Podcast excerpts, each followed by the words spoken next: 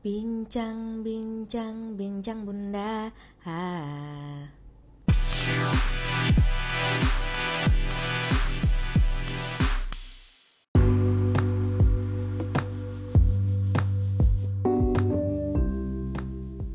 Persimpangan. Seperti sedang berkendara aja sih. Gak mungkin kan jalannya lurus-lurus aja Kecuali jalan tol. Pasti ada persimpangan Mau ke kiri atau ke kanan, mau lurus atau belok, dan semuanya ada resikonya, ada konsekuensinya. Apa pun pilihanmu menjadi tanggung jawabmu sendiri. Lalu, gimana kalau persimpangan bikin kita jadi dilema? Katanya Toba Beta sih, ketika merasa hidupmu seperti sedang berada di persimpangan, maka yang kamu butuhkan adalah perspektif yang lebih tinggi. Maksudnya gimana ya? Yuk, kita bahas di podcast Bincang Bunda.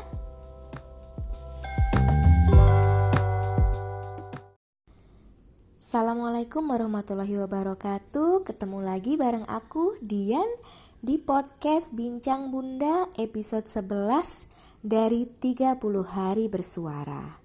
Episode kali ini temanya persimpangan seperti intro yang sudah aku sampaikan tadi, persimpangan itu memang bikin kita jadi dilema ya. Ya gimana nggak dilema? Seringnya persimpangan yang kita hadapi itu dua-duanya adalah pilihan sulit atau mungkin bahkan ada tiga persimpangan.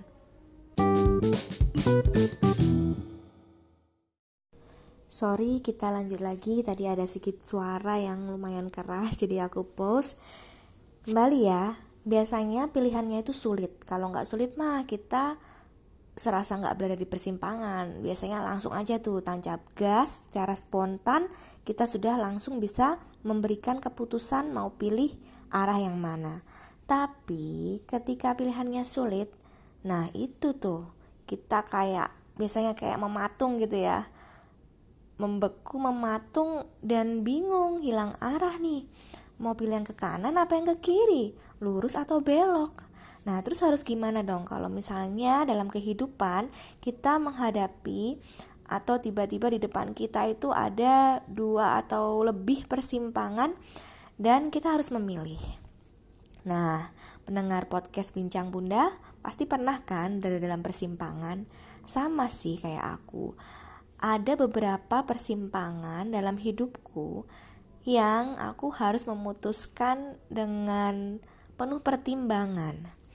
Kalau boleh cerita, ini udah lumayan lama sih sebenarnya.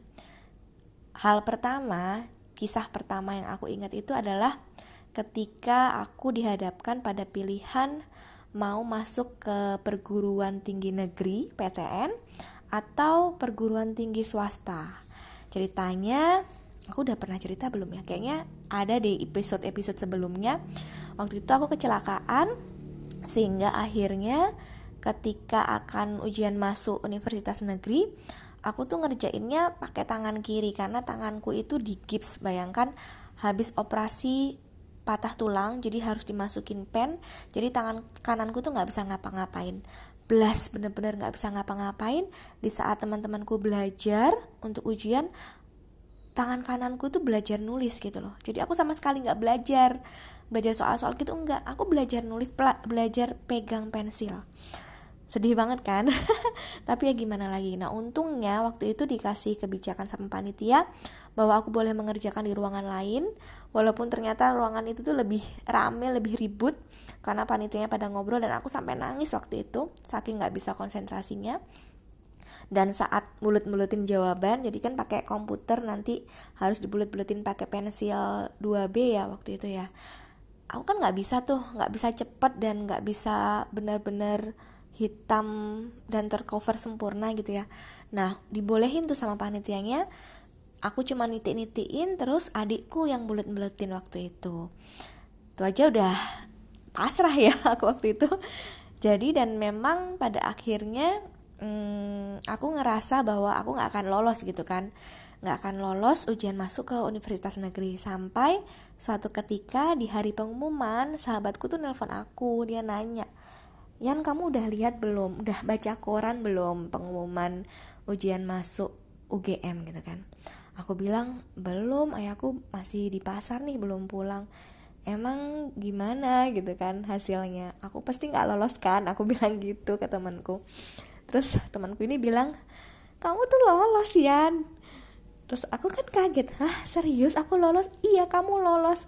Tahu nggak? Kita itu lolos di fakultas yang sama dia bilang gitu. Terus aku hah langsung seneng banget kan heboh gitu. Jadi aku sama temanku ini sama-sama lolos di biologi waktu itu. Sebutin nggak apa-apa ya di biologi. Nah terus otomatis aku bingung kan. Nah yang hmm, apa bikin bingung lagi itu adalah temanku bilang gini kamu tahu nggak siapa? Ada satu orang lagi yang lolos di fakultas itu gitu kan. Terus aku nggak tahu kan nggak tahu emang siapa. Terus dia nyebutin satu nama yang orang ini tuh hmm, apa ya bikin aku jatuh cinta tapi juga sekaligus bikin aku patah hati waktu itu. Terus aku tambah kaget dong ya. Jadi aku dilemanya adalah mana nih aku ambil nggak ya? Sebenarnya pilihannya tuh uh, bersinar gitu kan universitas negeri. Terus jurusannya atau fakultasnya tuh juga pilihanku waktu itu pilihan ketigaku. Terus ada orang yang aku sukai di sana yang lolos juga.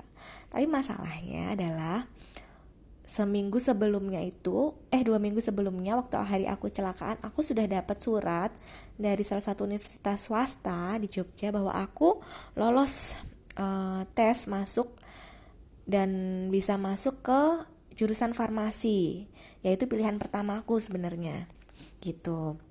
Nah terus jadi bingung aku dilema dilema yang satu jurusan pilihan pertamaku farmasi gitu loh. Ini adalah yang aku idam-idamkan tapi universitas swasta. Terus yang satu lagi kampus negeri wah mentereng gitu kan keren gitu kan. Lebih lagi ada orang yang aku suka. Jadi aku bingung banget waktu itu benar-benar bingung sampai akhirnya ya aku bikin list kan eh, hal-hal uh, apa yang bikin aku mau menerima atau mengambil pilihan tersebut gitu kan. Misalnya dari yang kampus tadi kampus negeri terus ada sahabatku gitu kan ada orang yang aku suka gitu kan. Terus yang satu lagi uh, jurusan pilihan pertamaku. Terus tapi SPP-nya lebih mahal nih gitu kan. Terus uh, universitas swasta nih. Terus nggak ada temennya lagi nggak ada yang aku kenal sebenarnya di jurusan tersebut yang katanya diterima gitu kan. Nggak ada siapa pun yang aku kenal waktu itu. Tapi pada akhirnya aku seperti kata siapa tadi ya? Uh, Toba Beta ya? Kalau nggak salah yang ada di The Podcaster Indonesia di quote-nya episode persimpangan tema persimpangan bahwa yang kita butuhkan adalah mengambil perspektif yang lebih tinggi. Kalau bahasa kerennya tuh mungkin helikopter view gitu ya. Jadi aku ngambil perspektif yang di atasku kan, yang lebih tinggi dari aku gitu kan. Aku mikir nih, kalau misalnya aku masuk ke sana cuman gara-gara cowok, ke kampus negeri itu cuman gara-gara cowok dan nantinya dia bikin aku patah hati lagi, ah bisa runyam tuh, aku bisa nyesel gitu kan. Dan waktu itu akhirnya aku bikin uh, usaha juga sih maksudnya aku ikhtiar gitu kan.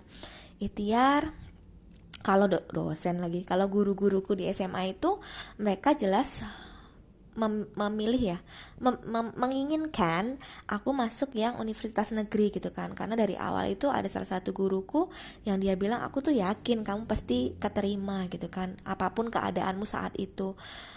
Dan itu memang udah kayak takdir kan aku kecelakaan akhirnya tetap diterima tapi diterimanya di pilihan ketiga gitu. Itu udah seperti takdir lah. Uh, aku nggak bisa menyesali bahwa ya menyesal sih mungkin kalau misalnya aku gak kecelakaan aku rajin belajar belajar soal-soal aku lebih banyak bisa aja aku keterima di pilihan pertama gitu kan. Tapi ternyata takdir itu membawaku ke uh, jalan hidup yang lebih baik menurutku sih. Terus lanjut lagi ya jadi aku ikhtiarnya itu adalah selain tadi ya guruku bilang gitu kalau orang tua aku sih menyerahkan ke aku gitu kan. Terserah kamu pilih yang mana gitu harus dipertimbangkan baik-baik. Kemudian aku sama sobatku ini akhirnya kita coba ke kampus tersebut mau merasakan vibesnya eh vibes vibes ya. Merasakan auranya gitu loh. Auranya itu uh, matching nggak ya sama kita? Kita ke kampus itu kita keliling-keliling liatin mahasiswanya masuk ke per ke perpustakaannya. Dan hey ternyata aku sama temanku tuh ngerasain hal yang sama. Kita berdua bilang gini kayaknya kita nggak cocok ya di sini kayaknya atmosfernya nggak kita banget ya. Kayaknya ini auranya kok nggak masuk deh ke kita. Aneh banget kan? Jadi cuman gara-gara itu cuman kita gara-gara kita tuh ngelihat mahasiswanya tuh uh, kayaknya lurus-lurus gitu kan. Terus uh, rajin-rajin sopan-sopan kalem-kalem gitu kan. Terus aku sama temanku tuh ngerasa kalau kita nggak cocok di tempat itu. Ya ampun aneh banget kan? Ya itu sebenarnya kayak semacam apa ya uh, feeling kali ya firasat gitu kan firasat. Nah dari situ tadi masuk list lagi ya oh firasatku mengatakan gak cocok nih di kampus ini gitu kan. Nah akhirnya hmm, terus si cowok yang aku suka tadi itu juga nggak jelas gitu kan walaupun dia sempat nanya aku ngambil nggak uh, pilihan tersebut? gitu kan jurusan tersebut dan waktu itu aku jawab enggak karena ada dia. Dengan jahatnya aku jawab gitu. Sementara dia bilang dia sudah memastikan bahwa dia akan mengambil jurusan itu. Cuman waktu itu aku kayak nggak bergeming eh kayak bergeming gitu loh. Udah mati rasa kan ibaratnya.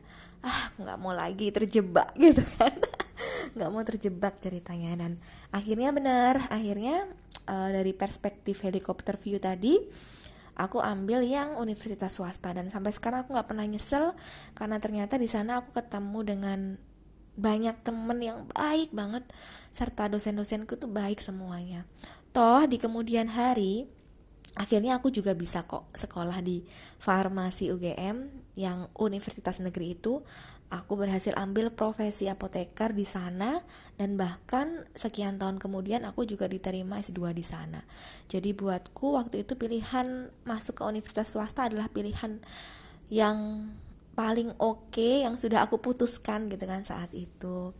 Dan terus bener loh ternyata uh, cowok yang aku suka itu akhirnya keluar katanya sih ya keluar dari kampus tersebut dari jurusan tersebut entah apa alasannya mungkin nggak cocok kali ya dengan uh, dirinya gitu kan. Karena itu juga kayaknya pilihan keberapanya dia bukan pilihan pertamanya gitu. Sebentar istirahat dulu.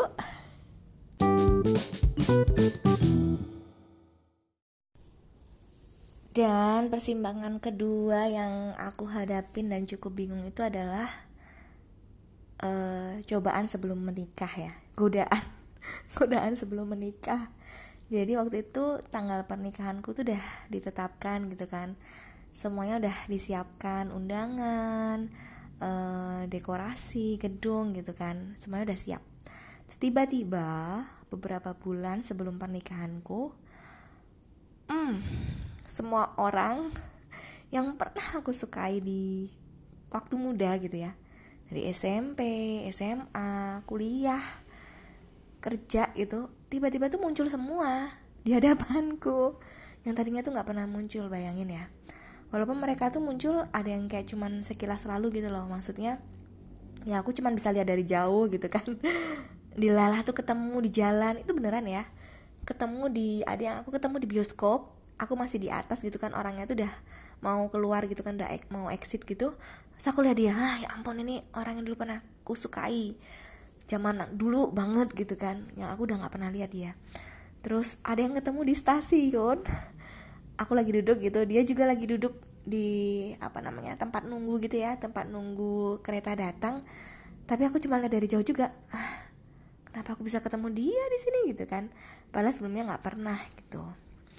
Terus tapi ada juga yang uh, mereka itu munculnya itu hmm, menyebalkan gitu.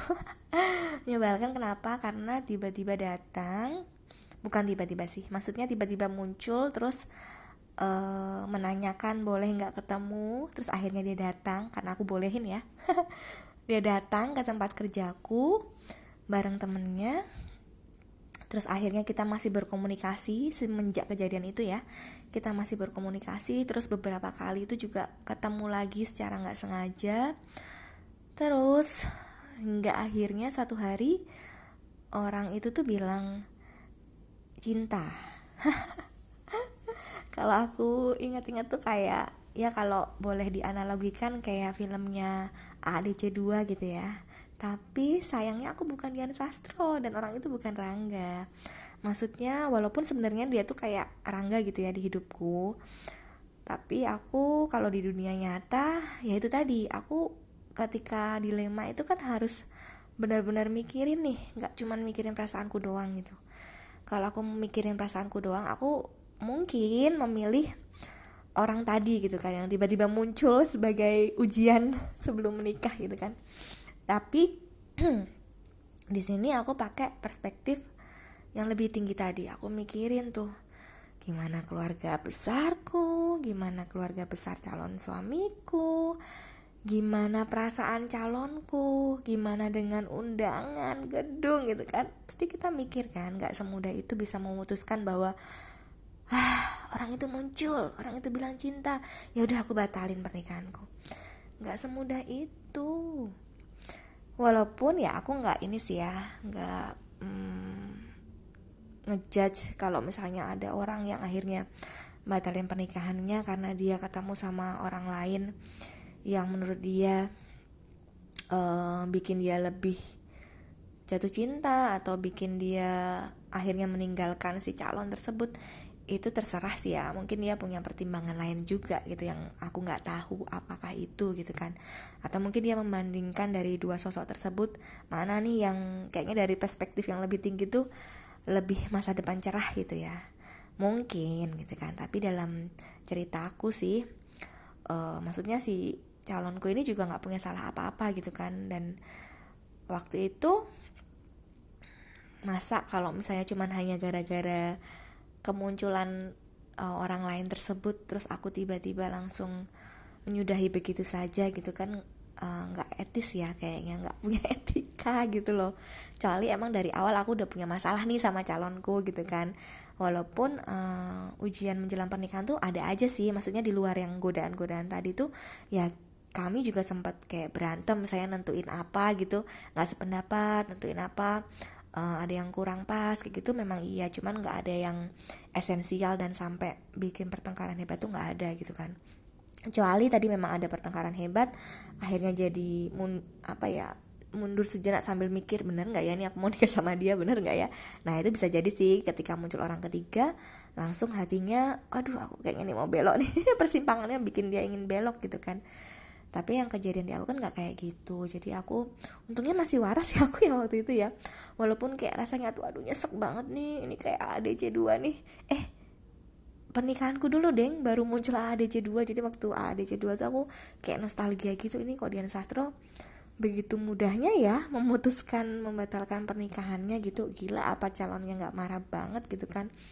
Dan Rangga ini seenaknya banget Sekian tahun dia ke mana aja sekarang muncul tiba-tiba kayak gitu. Bilang masih sayang lah ngajak-ngajak jalan-jalan seharian lah. Nyebelin banget kan ya Rangga ya? Tapi ya itulah mungkin namanya juga jodoh dan takdir kali ya.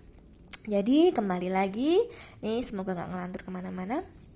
Aku juga pernah kok ngalamin di persimpangan yang emang bikin galau gitu. Tapi ketika kita berada di uh, persimpangan tersebut memang kayak apa ya antara hati vs logika tuh harus main dua-duanya gitu loh.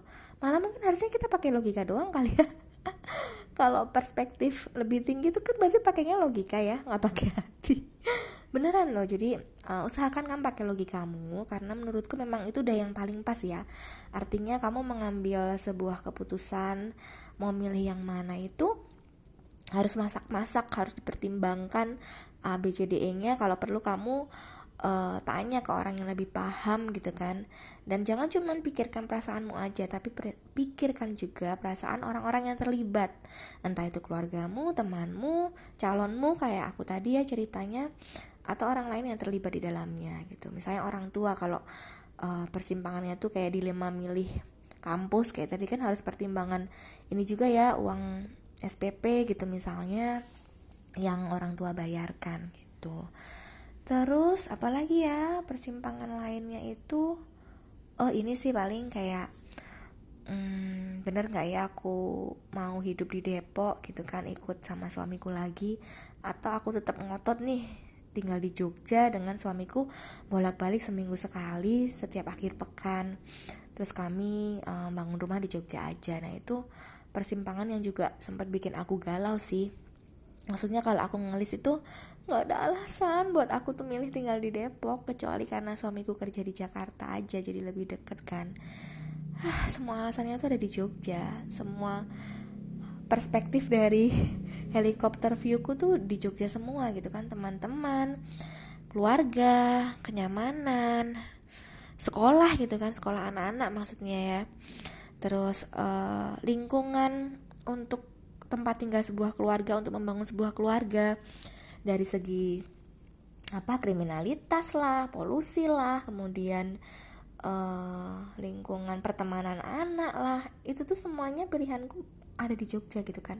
Kalau soal fasilitas sekarang Jogja juga nggak kalah kok dengan Jakarta tuh aku nggak butuh fasilitas yang wah-wah banget gitu kan. Yang misalnya Depok punya tapi Jogja nggak punya gitu aku nggak butuh itu gitu kan. Karena Jogja buatku punya semuanya. Sedih. Tapi ya itu balik lagi hmm, oh kalau gitu ketika nih berbagai pertimbangan tadi tuh sebenarnya kamu udah cenderungnya tuh ke yang ke kanan nih ya kayak aku tadi cenderung ke Jogja. Terus gimana nih? Tapi hati kecilmu berkata bahwa kasihan nih suamiku gitu kan. Dia bolak-balik setiap minggu eh, setiap Sabtu pasti capek banget. Terus anak-anakku gimana? Jarang ketemu ayahnya.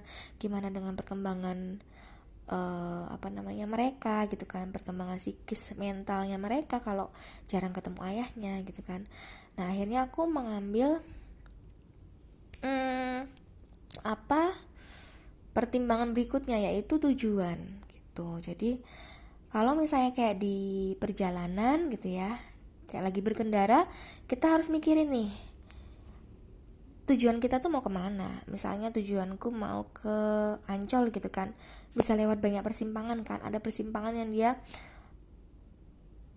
santai gitu uh, tapi banyak lampu merahnya macet gitu kan. Ada persimpangan yang dia jalannya tuh gak enak berkelok-kelok tapi sedikit lampu merahnya sebenarnya dua-duanya tuh uh, bisa aja sampai di tempat yang sama gitu kan. Tapi di situ kita juga harus mikirin berapa lama nih waktunya kita sampai? Nyanda nggak? Jangan-jangan sampai sana ancolnya udah tutup kalau kita lewat jalan yang A atau jalan yang B tadi kan. Jangan-jangan sampai sana udah sore udah kesorean. Kita harus mikirin itu juga gitu kan atau malah dari berbagai pilihan arah tersebut yang satu tuh nggak bisa sampai ke Ancol nih jangan-jangan gitu kan. Kayak aku tadi tujuanku adalah tentu membina rumah tangga yang samawa gitu kan. Uh, terus ada kenyamanan kehangatan dalam keluarga tersebut. Bisa nggak sih aku capai dengan LDR oh tentu bisa. Sebenarnya bisa-bisa aja gitu kan. Tapi masalahnya adalah sanggup nggak sanggup nggak LDR lagi? Sekian lama dengan anak yang jumlahnya lebih banyak. Sanggup nggak hidup tanpa suami uh, hanya didampingi oleh keluarga dan teman yang belum tentu mereka itu waktunya selalu ada untuk kamu gitu kan. Walaupun suami juga belum tentu sih. Tapi ngerti kan maksudku?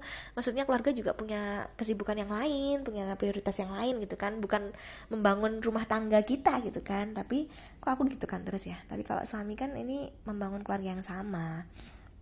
Nah, dari pertimbangan tujuan tersebut aku juga inget inget salah kata-kata atau kalimat dari beberapa orang gitu ya yang emang dia tuh ahli ada yang ustazah ada yang konselor pernikahan mereka semua bilang bahwa LDR tuh boleh nggak ada yang mengharamkan kan?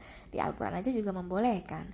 Tapi mm, masalahnya adalah perlu ada batas waktu. Jadi mau sampai kapan LDR-nya itu harus didiskusikan uh, sejak awal. Nah waktu itu aku udah janjinya adalah oke okay, aku LDR sampai S2 aku selesai gitu kan nah harusnya aku konsekuen dong dengan kata-kataku. Ketika udah selesai ya aku harus balik gitu. Walaupun penuh dengan um, derai air mata gitu ya baliknya karena nggak rela berpisah dengan Jogja. Nah itu sih. Jadi yang aku pegang adalah LDR boleh aja tapi ada batas waktunya. Dan aku sudah menentukan batas waktuku di awal.